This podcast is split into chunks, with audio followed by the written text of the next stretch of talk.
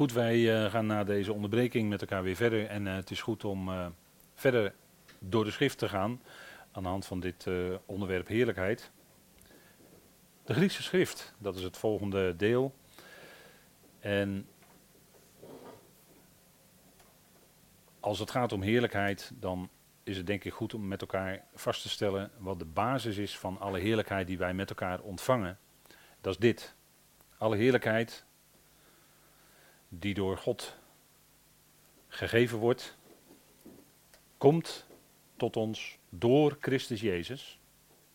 Zijn geloof, zijn bloed, zijn smadelijke dood van het kruis en het feit dat hij werd opgewekt door de heerlijkheid van de Vader, is de enige basis van zegen voor de schepselen. Ik denk dat we dat ook goed met elkaar mogen vaststellen. Hè? Dus de heerlijkheid die we als schepselen, als mensen of wat dan ook ontvangen, is hierop gebaseerd. Hè? Dit is de kern waar het om draait. Dit is de kern ook van Gods plan van Ionen. De heerlijkheid van de Vader, daardoor is hij ook opgewekt. Dat is natuurlijk de geweldige kracht van zijn opstanding. Hij werd opgewekt door zijn vaders kracht. Zingen wij het hele jaar door, als het goed is. Maar dat is de resultaat van het feit dat hij gehoorzaam was, ja, tot de dood van het kruis zelfs. Dat gaat heel ver. En dat is ook iets van zijn heerlijkheid. En hij werd opgewekt. Dat is de, enige basis van zegen. Hè? Dus ik denk dat het goed is om dat hierbij vast te stellen. Dat het uh, de enige basis ook maar kan zijn. Als we nog even kijken naar de heerlijkheid van Israël, dan kunnen we even kijken naar wat Paulus zegt over wat aan hen gegeven is. En ik verwijs daarbij naar de Romeinen 9, vers 1 tot en met 5. Het oude verbond was aan hen gegeven en dat had een zekere heerlijkheid. Maar Mozes die moest, want Mozes die moest, denkt u maar aan uh, wat Paulus schrijft in 2 Korinthe 3. Mozes moest toen hij van de berg afkwam een bedekking voor zijn aangezicht doen om de heerlijkheid die van hem afstraalde te bedekken. En dat symboliseerde ook de bedekking die later juist door het gedrag en alles over Israël kwam. Maar dat was een zekere heerlijkheid. Dus die, dat oude verbond had een zekere heerlijkheid. Die woorden van God had Mozes ontvangen. En het volk Israël, dat uh, week daarvan af. Maar de beloften, en dan spring ik gelijk naar de volgende. De beloften die aan hen gegeven waren, aan de aartsvaders, Abraham, Isaac en Jacob, die beloften bleven staan, ondanks dat het oude verbond tijdelijk was.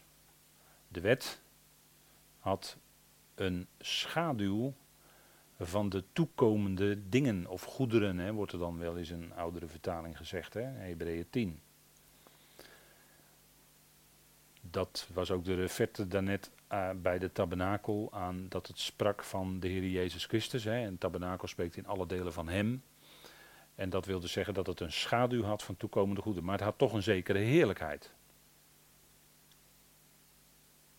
En de wetgeving, of letterlijk de wetplaatsing, zoals Paulus dat dan noemt in uh, Romeinen 9, dat is ook een stukje van de heerlijkheid van God. He, de, goed, je kunt zeggen het is het oude verbond en toch, het is Gods woord. En daarmee had het ook een zekere heerlijkheid. Want alle woorden van God hebben, dragen natuurlijk een zekere heerlijkheid in zich. De wetplaatsing, dat was aan hen gegeven. Zij blijven Gods volk. Paulus zegt ook twee hoofdstukken verderop in Romeinen 11 dat God zijn volk toch niet van zich afgestoten heeft. Of er wordt vaak vertaald verstoten heeft. En dan zegt Paulus, mogen dat niet gebeuren, dat zij verre. Nee, het blijft het volk van God, want het heeft geweldige beloften gekregen. Ondanks dat de Torah of de wetgeving ertussen kwam, hè, er kwam langs bij, erbij in, zegt Paulus ook ergens anders. Ondanks dat bleven die beloften toch staan. En dat was de heerlijkheid. De heerlijkheid van het woord van God is Dat het een dabar is. Dat wil zeggen, het is niet alleen een woord wat gesproken wordt, maar het zal ook daadwerkelijk gestalte krijgen. Het zal daadwerkelijk ook werkelijkheid worden. Dat is de kracht van het woord van de profeten. Profeten hebben het gesproken en dus zal het ook vervuld worden. Dat kan duizenden jaren duren, maar het woord is gesproken en het zal vervuld worden. Daar is geen twijfel over mogelijk.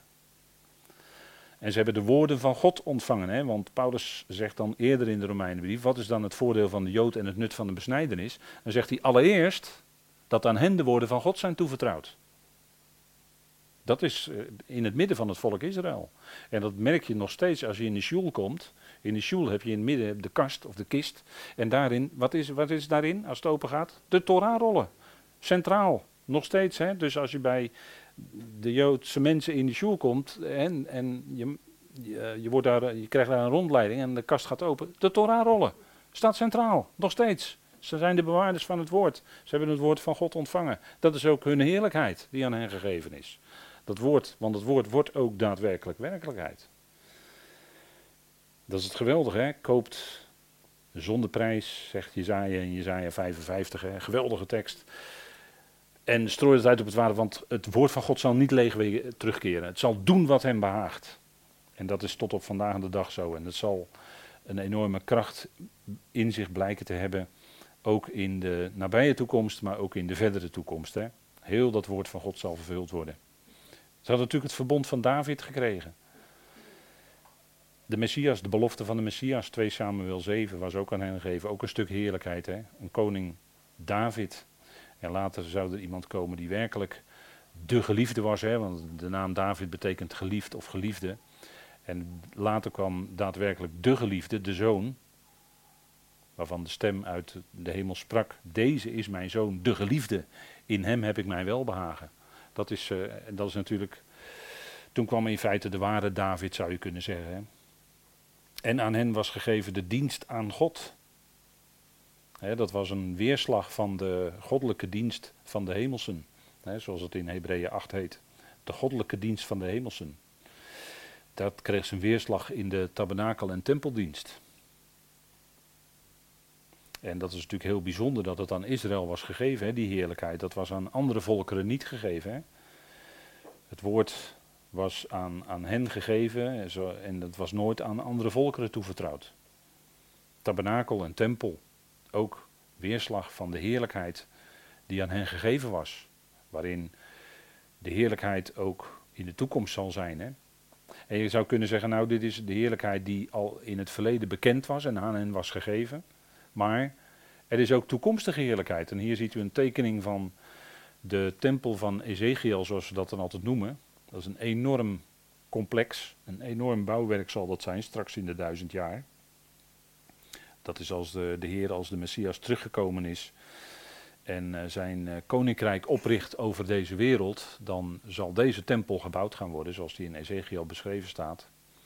En daar zal ook de offerdienst bijvoorbeeld zijn, hè, de offerdienst die dan terugverwijst naar wat op Golgotha gebeurd is. Als onderwijs, allereerst voor Israël zelf, door de priesters, door de hoge priester. Onder leiding van natuurlijk de hoge priester naar de ordening van Melchizedek, Christus zelf. Maar zijn priesterschap zal ervoor zorgen dat er onderricht zal plaatsvinden aan de hand van die offers naar wat eerder op Golgotha gebeurd is. En dan zullen ze ook toenemen in besef en in diepere kennis van, van God en de wegen van God, Israël, in de duizend jaar. En uh, dat zullen ze dan ook doordragen naar de volkeren. Dus er zal in die duizend jaar een toename zijn in be besef, in erkenning, in bewustwording, in, ja, dus ook in een stukje heerlijkheid. Maar aan het eind van die duizend jaar zullen ze qua diepte en kennis en verrijking nog niet zo ver zijn zoals wij dat nu mogen zijn door het evangelie van Paulus. Ik hoop dat u dat wel eens beseft. Hè? Die hele duizend jaar zal nog niet genoeg zijn om daar voldoende in te onderrichten. Omdat het een aardse, nog steeds sprake is van een aardse heerlijkheid. Kijk, zij, aan hen is gegeven, dat, had ik net, vlak voor de pauze had ik het al even over, het nieuwe verbond. Het nieuwe verbond is aan Israël gegeven. Is niet aan ons gegeven hoor. Het nieuwe verbond. En dat zou natuurlijk geweldig zijn. Dat is die verbond, wil, de, de naam zegt het al. Dat is natuurlijk de, die band die God met hen heeft op basis van het vergrote bloed van Christus. Hè, dat, dat heeft de Heer zelf natuurlijk. Uh, uh, dat heeft de Heer zelf natuurlijk aangereikt in zijn laatste maaltijd met zijn discipelen. Dan, zegt hij, uh, hè, dan deelt hij die maaltijd en dan zegt hij: Dit is het nieuwe verbond in mijn bloed, zegt hij dan. Vlak voor zijn kruisiging. In mijn bloed.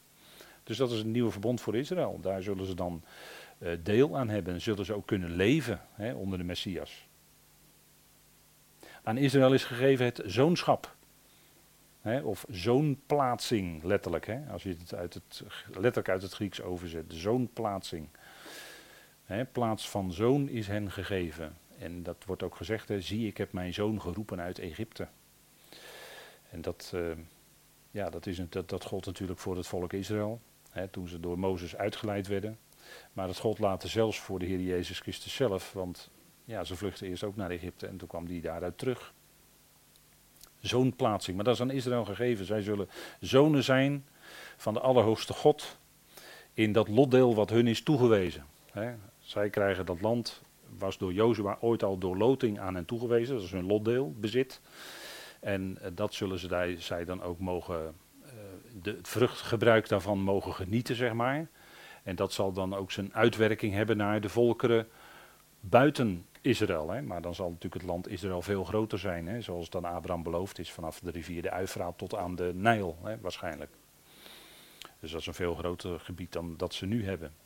Maar nu, as we speak, wordt hun lotdeel natuurlijk enorm betwist. Zij zijn in strijd en uh, ja, die strijd kennen wij ook. Alleen niet hier op aarde, maar te midden van de hemelsen. Het lotdeel wat wij daar hebben ontvangen in Christus, hè, van Christus, dat wordt ook betwist door de geestelijke machten en krachten die wij niet kunnen zien, maar daar hebben we wel mee te maken. En daarvoor hebben we dan ook die wapenrusting van God, die we aantrekken. Het is nodig. Die vurige pijlen, die komen wel. En het, de waarheid, het evangelie van de waarheid, dat ondervindt natuurlijk als de waarheid naar voren komt, ondervindt het altijd tegenwerking. De tegenwerker is er natuurlijk altijd op uit om de waarheid onder de grond te schoffelen, of hoe wil u het zeggen? om, om dat onder neer te houden. En dat is ook de aanklacht van Paulus, via Paulus tegen de mensheid, dat ze de waarheid van God in ongerechtigheid neerhouden. Dat woord staat er letterlijk, neerhouden of uh, onderhouden. Zij erkennen God niet als God. En daarmee erkennen ze ook niet de heerlijkheid van God. En, en alles wat daar afbreuk aan doet, daar, ja, daar komt Gods verontwaardiging over. Dat is wel zo. Alles wat daar afbreuk aan doet, daar komt Gods verontwaardiging over. Zo zegt Paulus dat in Romeinen 1. Zij hebben het zoonschap. En hun lotdeel is daar op aarde, hè, aan hen toegeloot, onder Jozua. En ieder kreeg zijn deel. En het zal straks ook weer zo zijn. Hè, zullen ze weer hun, iedere stam zal weer het rechtmatige toegeloten deel dan mogen ontvangen zo staat het in de schrift tenslotte. Het is Gods instrument op aarde. het is altijd het volk dat onder druk staat. En vandaag de dag, ach, ik hoef er niks over te zeggen, want dat is al sinds de oprichting van de Joodse staat, van de staat Israël, is dat al het geval natuurlijk. Dat is, uh, en daarvoor verschrikkelijk wat er allemaal is gebeurd, verschrikkelijk. Maar het is God, Gods instrument op aarde. Ze zijn zonen. En God gaat ze inzetten straks als zonen, als zijn zonen, om de andere volkeren tot zegen te zijn. Hè. Zo zal het dan ook zijn in de, in de komende duizend jaren op de nieuwe aarde. Dat is natuurlijk een geweldige ontwikkeling, een geweldige groei die dan doorgemaakt wordt. De komende tijd zullen ze ook zijn koningen en priesters. Wij niet, zij wel. Koningen en priesters, wij niet. Zijn we niet. We zijn geen koningen en priesters. Worden we ook niet. Dus Israël bij Paulus vind je dat niet. Als ik de brieven van Paulus lees, vind ik nergens dat wij koningen en priesters zijn. Staat nergens. Dus ja, eenvoudig hè. Zij zijn koningen en priesters. Priesters nog in de duizend jaar. We hadden het net over de offerdienst. En ook koningen, zij zullen daadwerkelijk ook regeren, regeringsfunctie. En in de komende nieuwe aardetijd, om het zo maar te zeggen, als de nieuwe aarde daar is, dan zullen zij nog regeren met Christus. En dan is het priesterschap voorbij, want dan woont God zelf te midden van de mensen, staat er dan. Prachtig hoor. God zegt, ik maak alle dingen nieuw. Zie, ik maak alle dingen nieuw. is natuurlijk geweldig, hè, die belofte die we hebben. En dat gaat hij doen. Dat is zijn heerlijkheid. Hij maakt alle dingen werkelijk nieuw. En wij kreunen nog vaak onder dat oude, omdat we nog behept zijn met het oude lichaam. We leven nog in die oude schepping. Wij zuchten mee met de schepping. Wij lijden mee. Het is allemaal ook ons deel. Maar het lijden is daar bedoeld om omgezet te worden in heerlijkheid. Wij roemen in de verwachting van de heerlijkheid van God, zegt Paulus toch in Romeinen 5. Dat doen wij toch? En natuurlijk zijn er dagen dat er meer tranen op je wangen zijn dan blijdschap, misschien, naar buiten toe. Maar toch is er in je hart die vreugde, dat uitzicht, die verwachting. Wij verwachten en wij roemen in de heerlijkheid van God. Die komt. Dat is ontegenzeggelijk. Komt elke dag is het weer een dag dichterbij. En, en dat is de, ons, wat wij mogen weten. Maar de belofte die God aan Israël gegeven heeft, die zal hij ook aan hen vervullen. Natuurlijk. God heeft ze beloofd. En die staat er helemaal achter. En hij zal het ook doen. Hij die u roept is getrouw, staat er toch in de Hebreeënbrief. Hij zal het ook doen. Of zegt Paulus, sorry, zegt Paulus in Thessalonicense. Hij die u roept is getrouw. Hij zal het ook doen. Hij doet het vandaag en morgen in uw en mijn leven. Dat is zijn kracht. Dat is zijn heerlijkheid, dat hij dat uitwerkt, dat hij de kracht geeft voor u om onder een gegeven situatie te kunnen blijven staan. Dat is Gods heerlijkheid. Dat is tot eer van God. Zo kunnen we leven. Hè? Nou, en uit hem, zegt Paulus, en dat is, dat is dan, uh, dan zegt hij, in Romeinen 9 is dat uh, eigenlijk een, een beetje een, nou niet beetje, dat is een hoogtepunt. Dan zegt hij, aan hen is gegeven Christus boven alles of over alles. God is gezegend voor de eonen. Dan zegt hij dat aan hen gegeven is Christus. Hè, uit hen is de Messias, is de Christus naar het vlees. Die is aan hen gegeven, boven alles. Ja, en omdat hij daar is als het licht van de wereld. En um, ik weet niet hoe u het Johannes. Uh, dat, dat, dat werd vaak gedaan hè, in evangelisatie. Hè. Dan uh, gingen we uh, Johannes-evangelietjes hadden we dan bij ons. En dan gingen we het Johannes-evangelietje uitdelen aan mensen. Was dan het evangelie. Maar dat is niet het evangelie. Wat nu moet klinken. Er staan wel geweldige dingen in. Maar het is niet het evangelie wat nu moet klinken.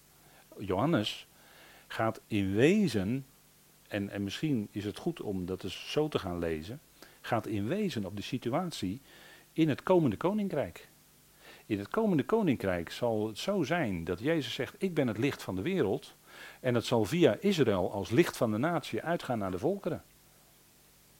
En dan zal het ook zo zijn in die komende tijd dat degene die in hem gelooft, ja, die heeft een Jonisch leven.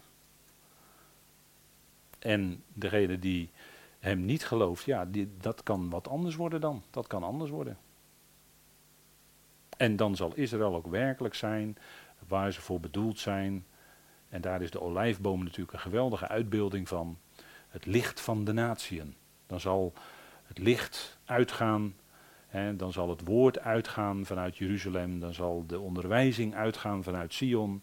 En dan zal de hele aarde vol worden van de kennis van Jawel. Dat is geweldig hele aarde zal vol worden van de heerlijkheid van Jehovah, van de kennis, van zijn kennis. Want daar begint het mee. Kennis van hem krijgen. Kennis van diegene die werkelijk alles tot een goed einde zal brengen. Kennis van degene die geen fouten maakt. God maakt in zijn plan geen fouten. Maar dan zegt u ja, ja, maar ja, nee, ook in uw leven. En in mijn leven en in ons leven, God maakt geen fouten.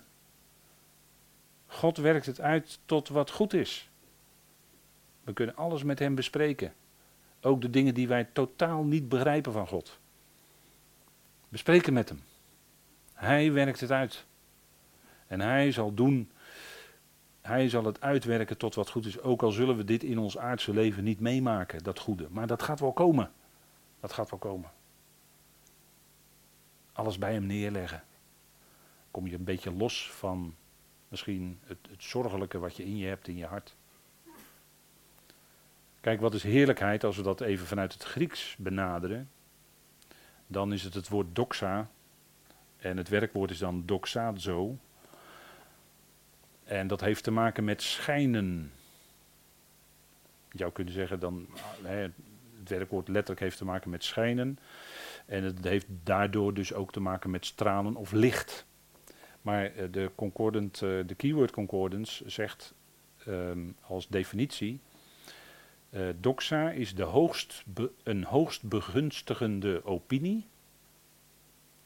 En de indruk die dat maakt op de zintuigen, op het denken. En, en hoe gaat dat dan? Nou, als, we, als, wij, als, je, als, als Paulus God verheerlijkt, dan schrijft Paulus dat God degene is die alles bewerkt in overeenstemming met de raad van zijn wil. Dan schrijft Paulus dat Gods liefde daar is en dat niets ons kan scheiden van zijn liefde.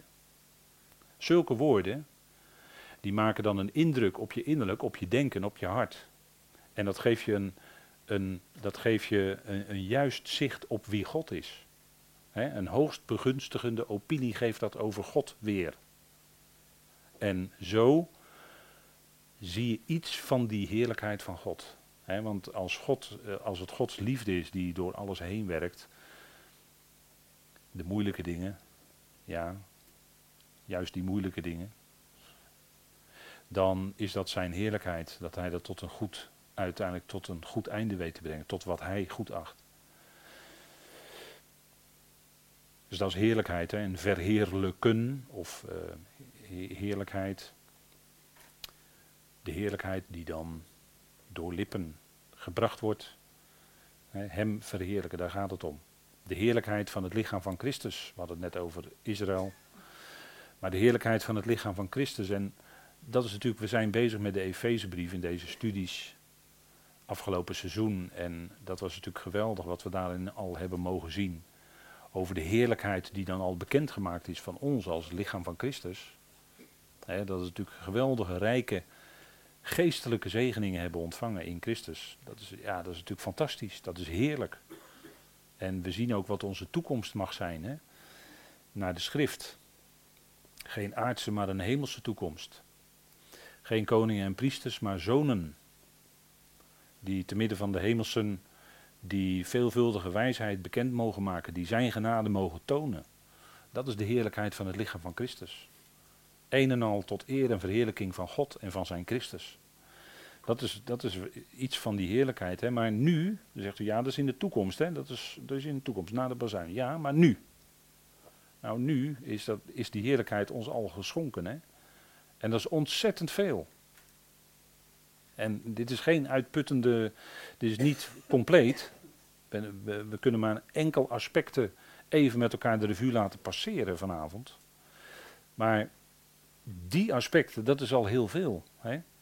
Ook wij hebben ontvangen het zoonschap, hè? de plaats van zoon. We worden als zonen gesteld, zou je kunnen zeggen. En, en dat heeft uh, alles te maken met God die de geest van het zoonschap in ons hart geeft. Waardoor we roepen Abba, vader. Hè? Een zoon roept tot de vader. Hij geeft zijn geest in ons. En daardoor zijn we zonen van Hem. Dat is in feite waar het om gaat. Hè? Zonen, als we het vanuit het Hebreeuws zouden benaderen, het woord ben heeft te maken met het woord bouwen, hè, bana in het Hebreeuws. Maar ben is dan de zoon en je zou daarvan ook kunnen zeggen, een zoon is een bouwer. Hè? Wij bouwen mee, wij mogen meebouwen, kan ik beter zeggen, aan dat grote plan van God. Hè? Dat is ons zoonschap. En zoonschap houdt ook in dat als daar lijden is, kan dat ook lijden zijn samen met Christus. Zoals hij leed, waarom? Nou, omdat hij de zoon van God is. Omdat hij de weg ging die God hem wees als zoon. Dat betekende dat hij dat deed wat God hem opdroeg. En dat, dat betekent ook dat hij sprak wat God hem te spreken gaf. En dat hij de dingen deed die God hem te doen gaf. Maar dat hield dus in lijden. En dat is lijden omwille van God, omwille van de waarheid van God, omwille van het woord van God, omwille van het plan van God, hoe je het ook noemen wilt. En als wij dan tezamen met Christus lijden, zegt Romeinen 8, dan is dat opdat wij ook samen met Hem verheerlijkt zullen worden. Dus dat is weer die weg, hè? door lijden heen naar heerlijkheid. Dus als wij lijden om datgene wat wij geloven, dat je op een of andere manier ze je niet zien zitten, hoe dan ook, of wat ook, dan is dat een stukje lijden samen met Christus. Lijden, kwaad lijden om het evangelie. Zoals Paulus dat tegen Timotheus ook zegt. Kwaad lijden om het, evangelie. Dat is samen met Christus en dat is ook om samen met hem verheerlijkt te worden. Een stuk heerlijkheid van God is de schriften hè, die aan Israël waren gegeven, maar wij mogen ook de Hebreeuwse en de, zelfs de Griekse schriften hebben, in ons midden hebben en dat is ons kostbaarste bezit. Dat is, dat is heerlijkheid van God die hij in het midden van het lichaam van Christus geeft. En, en dat lichaam zou dan ook dat woord bewaren. Hè? En dat woord bewaren betekent niet in een kast leggen en dicht, dicht laten. Maar het woord bewaren betekent daadwerkelijk open doen, spreken, erin lezen, eruit horen, ermee leven, erdoor leven. Dat is het woord bewaren. En dat doet God door Heilige Geest hè, in ons. Hij bewaart ons dan door Heilige Geest, door de schriften. Want die kun je nooit, die kun je nooit los van elkaar zien. Hè. Je kunt nooit zeggen van uh, de, de geest dit of de geest dat. Of, uh, nee, het is altijd in combinatie en het is altijd door de schrift. Gods geest werkt door het woord heen in ons. En de geest van God woont in ons, hè, dat is het volgende punt. De geest van God woont in ons. Dat is ook een stuk heerlijkheid. En dat maakt ons tot heiligen. Dat maakt ons tot tempels, zou je kunnen zeggen. Hè? Ons lichaam is een tempel van Heilige Geest, geheiligd door die Geest. En daar zouden we dan ook goed mee omspringen. De Geest van God in ons wonen, dat is ook een stuk heerlijkheid hoor. Aan, aan het lichaam is gegeven Christus Jezus als hoofd. Dat is misschien wel een van de grootste heerlijkheden van het lichaam van Christus. Dat Hij, die is onder God de hoogste van alles, van alles en iedereen in heel de schepping. Hij is gegeven, staat er in de Efezebrief, als hoofd aan de uitgeroepen gemeente. Dat is wat. Dat is wat. Hij is het hoofd. Die Heer die alles in, in Gods plan terecht zal brengen. Door wie God zijn plan van Jona uitvoert. Hij is de grote uitvoerder van Gods plan. En hij is gegeven als hoofd aan het lichaam van Christus. Dat is een enorme heerlijkheid. We ontvangen voeding uit hem, uit het hoofd. Hij onderhoudt dat lichaam. Hij voorziet het lichaam van organen. Je kunt ook zeggen, hij organiseert dus dat lichaam. Dat doet hij. En daar is hij heel goed toe in staat. Christus Jezus als hoofd. En we zouden dat erkennen. Hè? We zouden niemand of niets anders erkennen als hoofd boven ons. Alleen Christus Jezus. Hij is het hoofd van ons als gelovigen, als lichaam van Christus. Ja, en natuurlijk het evangelie, hè, de rechtvaardiging om niet. Dat is natuurlijk iets geweldigs. Dat is een stuk heerlijkheid hoor. Het evangelie is de rechtvaardiging om niet in zijn genade, de vrijkoping in Christus Jezus, gerechtvaardigd in zijn bloed. Wat willen we nog meer? Dat is geweldig, dat is heerlijkheid, dat is ja, fantastisch. En dat moet je herlezen, lezen, herlezen en je telkens daarover kunnen verblijden. En dat doen we ook met elkaar. En achter alles en door alles heen, Gods liefde. Dat is in feite wat alles doorstraalt, wat alles overstraalt, wat heel zijn plan doordringt, is de liefde van God. Dat staat in feite achter alles. Hè? Dat is de bron van alles. Ja, dat is natuurlijk geweldig hè, wat we met elkaar mogen delen.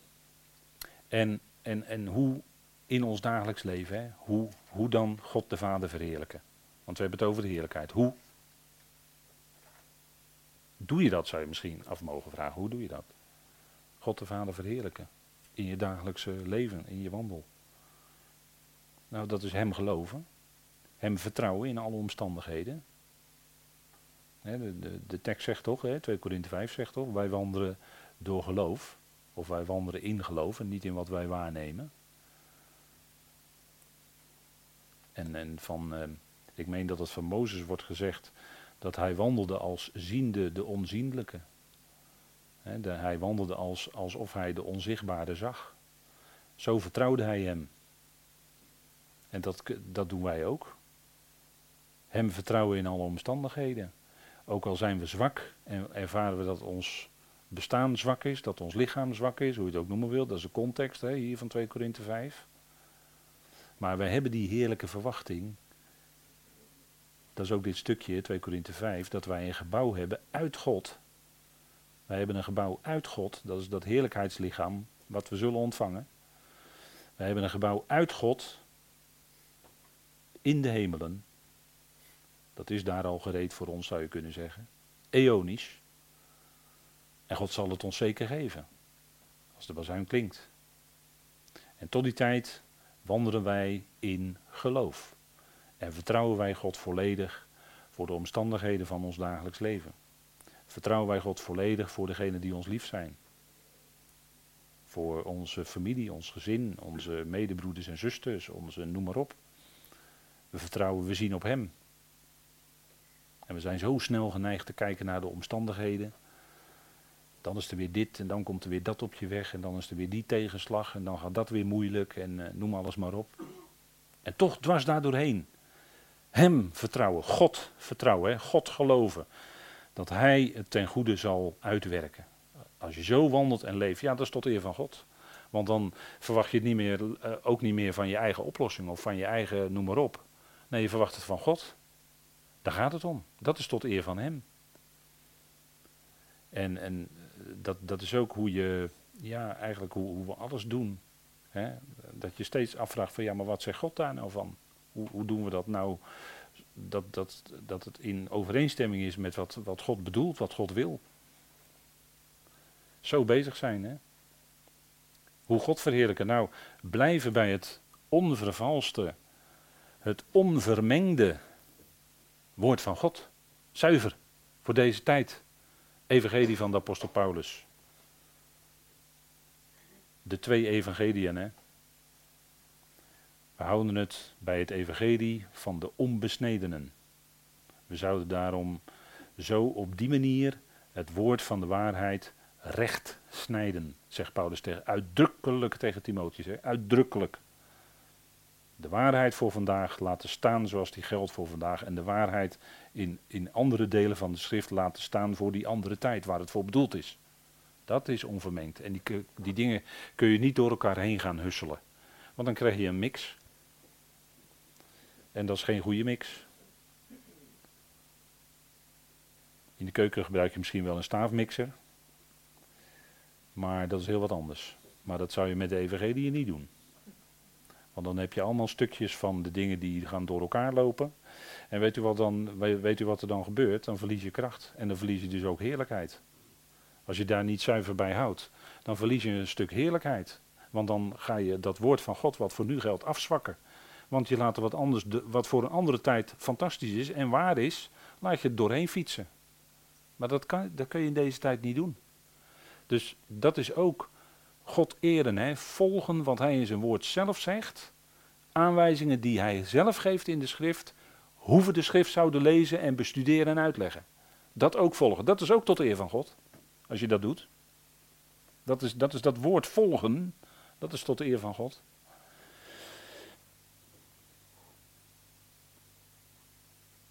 En hoe kun je Christus verheerlijken? Door in liefde met elkaar te wandelen en altijd elkaar genade schenkend. altijd elkaar genade schenkend.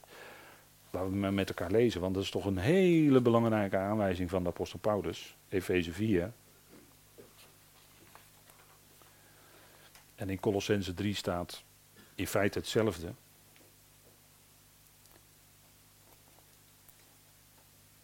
En beperk ik het even vanwege de tijd tot vers 32. Word echter naar elkaar mild tegenover al dat andere wat, waar we de Heilige Geest mee zouden bedroeven. Maar word echter naar elkaar mild. Innerlijk welwillend. Daarin klinkt ook de ootmoedigheid door. Hè? Elkaar genade schenkend, zoals ook God in Christus jullie genade schenkt. Hé, hey, dat is een feit. Dat geldt dus altijd. Leuk hè? En dat is ook wat we dan elkaar mogen doen hè?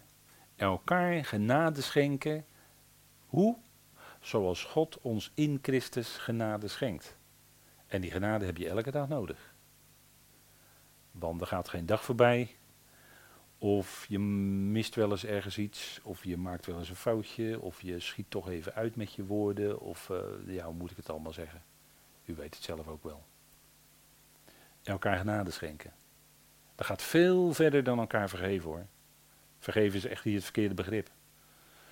Genade schenken dan, dan, dan is, is het gelijk in feite al voor je is, is weg en je komt er ook niet meer op terug. We hoeven geen vergeving te vragen aan elkaar. Nee, het is veel positiever gesteld. Innerlijk welwillend, elkaar genade schenkend, zoals God in Christus jullie genade schenkt. Dat is, dat is elke dag, de hele dag door. Zo met elkaar op die manier omgaan. Hè? Dat, is, dat is helemaal vanuit de liefde van God. En, en natuurlijk, ja, kun je zo doorlezen, hè, worden navolgers van God. Als geliefde kinderen en wandelt in de liefde. Nou, zo met elkaar leven, omgaan, dat is tot eer van God. Dat is tot eer van Christus. Dan wordt iets van die heerlijkheid van God in het midden onder gelovigen wordt, wordt zichtbaar, hè, als we dat doen. En dan, ja, Colossense zegt hetzelfde. Wat is tot de eer van God? Wat is de heerlijkheid van God? Nou, doordat de geest van God in ons vrucht zet. Hè, de vrucht van de geest. En met het eerste begrip heb je in feite alles al gezegd. Liefde. Gods liefde. Daar zit eigenlijk alles al in. Daar zit al die vreugde, vrede, goedheid, geduld, zachtmoedigheid, trouw, inhouding, je inhouden. Oeh, dus soms zo moeilijk hè. Staat ook helemaal achteraan in het rijtje bij die vrucht van de geest. Je, je, je kunnen inhouden. Dat is soms wel eens moeilijk hè. Want je flapt er soms zomaar wel eens wat uit. En ja, maar het kan de geest van God, als die in je werkt, dan kan het zijn dat, dat, dat je dat er toch niet meer uit gaat flappen. Dat is dan de vrucht van de geest. Stukje vrucht van de geest. Hè? Want het is één vrucht. En dat waait uit in negen facetten. En daarin is, is natuurlijk de liefde die doorwerkt. En, en, en ehm, kijk, in, in de, in de NBG-vertaling staat altijd zelfbeheersing. Maar dan lijkt het net of je het zelf doet. Maar dat kun je heel vanzelf niet. Als je, als je, in, als je je kunt inhouden, om het zo maar te zeggen, dan is dat door de geest van God gewerkt. Hè? En dat zouden we ook erkennen dus als, er maar iets is wat in ons leven van goedheid, van trouw, van zachtmoedigheid, van liefde, van vreugde, van vrede, van elkaar genade schenken. Ja, heel fijn, maar het is gewerkt door de kracht van de geest van God. Het is niet van jezelf. Dat heb je niet van jezelf. Dat heb je van de geest van God dan gekregen. En dat zouden we ook dan erkennen, hè? Dat is erkennen. Dat is tot eer van God. Als we zo kunnen zijn, is dat tot zijn eer. Want er wordt iets van die geweldige vrucht van de geest wordt zichtbaar door ons heen. En daar gaat het natuurlijk allemaal om. Het gaat niet om ons. Het gaat niet om ons eer. Kom, kom. Daar waren de Corinthiërs mee bezig. Die waren al bezig, die, die keken naar mensen, die roemden op mensen. Van kijk die is en kijk die is. Nee, wij kijken naar God. En dat klinkt dan misschien een beetje vroom of zo hoor, maar zo bedoel ik het helemaal niet. Maar we kijken wel omhoog, we kijken wel opwaarts naar degene van wie we het allemaal alleen kunnen verwachten. We kunnen het alleen van hem verwachten. En dan is die, die roem, dat, dat, dat kan niet. Dat kan niet. Dat is ook de betekenis van het kruis, toch? Hebben we toch geen eigen, niets meer van eigen roem. Dat kan toch niet meer na het kruis? Dan kan, het, dan kan het vlees toch niets meer. Dat kan toch allemaal niet meer? We zijn toch samen met Christus mede gekruisigd? Dat is een consequentie. Consequentie is, jij niet meer, niet meer ik. Dat is ook de gelaten brief. Een paar hoofdstukken eerder. Niet meer ik, maar Christus leeft in mij. En die laat dan zijn vrucht wel zien. Dat is, dat is dan tot eer van hem. Dan word jij niet meer gezien, maar dan wordt Christus gezien. Kijk, dan, dan gaan we anders kijken. Dan is, dan is het tot eer van hem. De vrucht van de geest, hè, die groeit in en door ons en hoe groeit het? Nou, dan moet je, ja, in het dagelijks leven moet je, als je dingen wil laten groeien, moet je water geven. Moet je water geven, anders gaat het, uh, het plantje gaat, uh, heel snel een kopje laten hangen hoor. En dan moet je ook dus doen, water is een beeld van het woord van God, van de geest van God. Moet je mee voeden. Dat is altijd, altijd goed. als je al luisterend naar die woorden van God in slaap valt, prima, kan je lekker slapen. En dan geeft dat ook in je dat besef, hè, die aanwezigheid van God. En ik denk dat dat uh, goed is om uh, hiermee af te sluiten. En dan uh, hebben we het onderwerp nog niet af.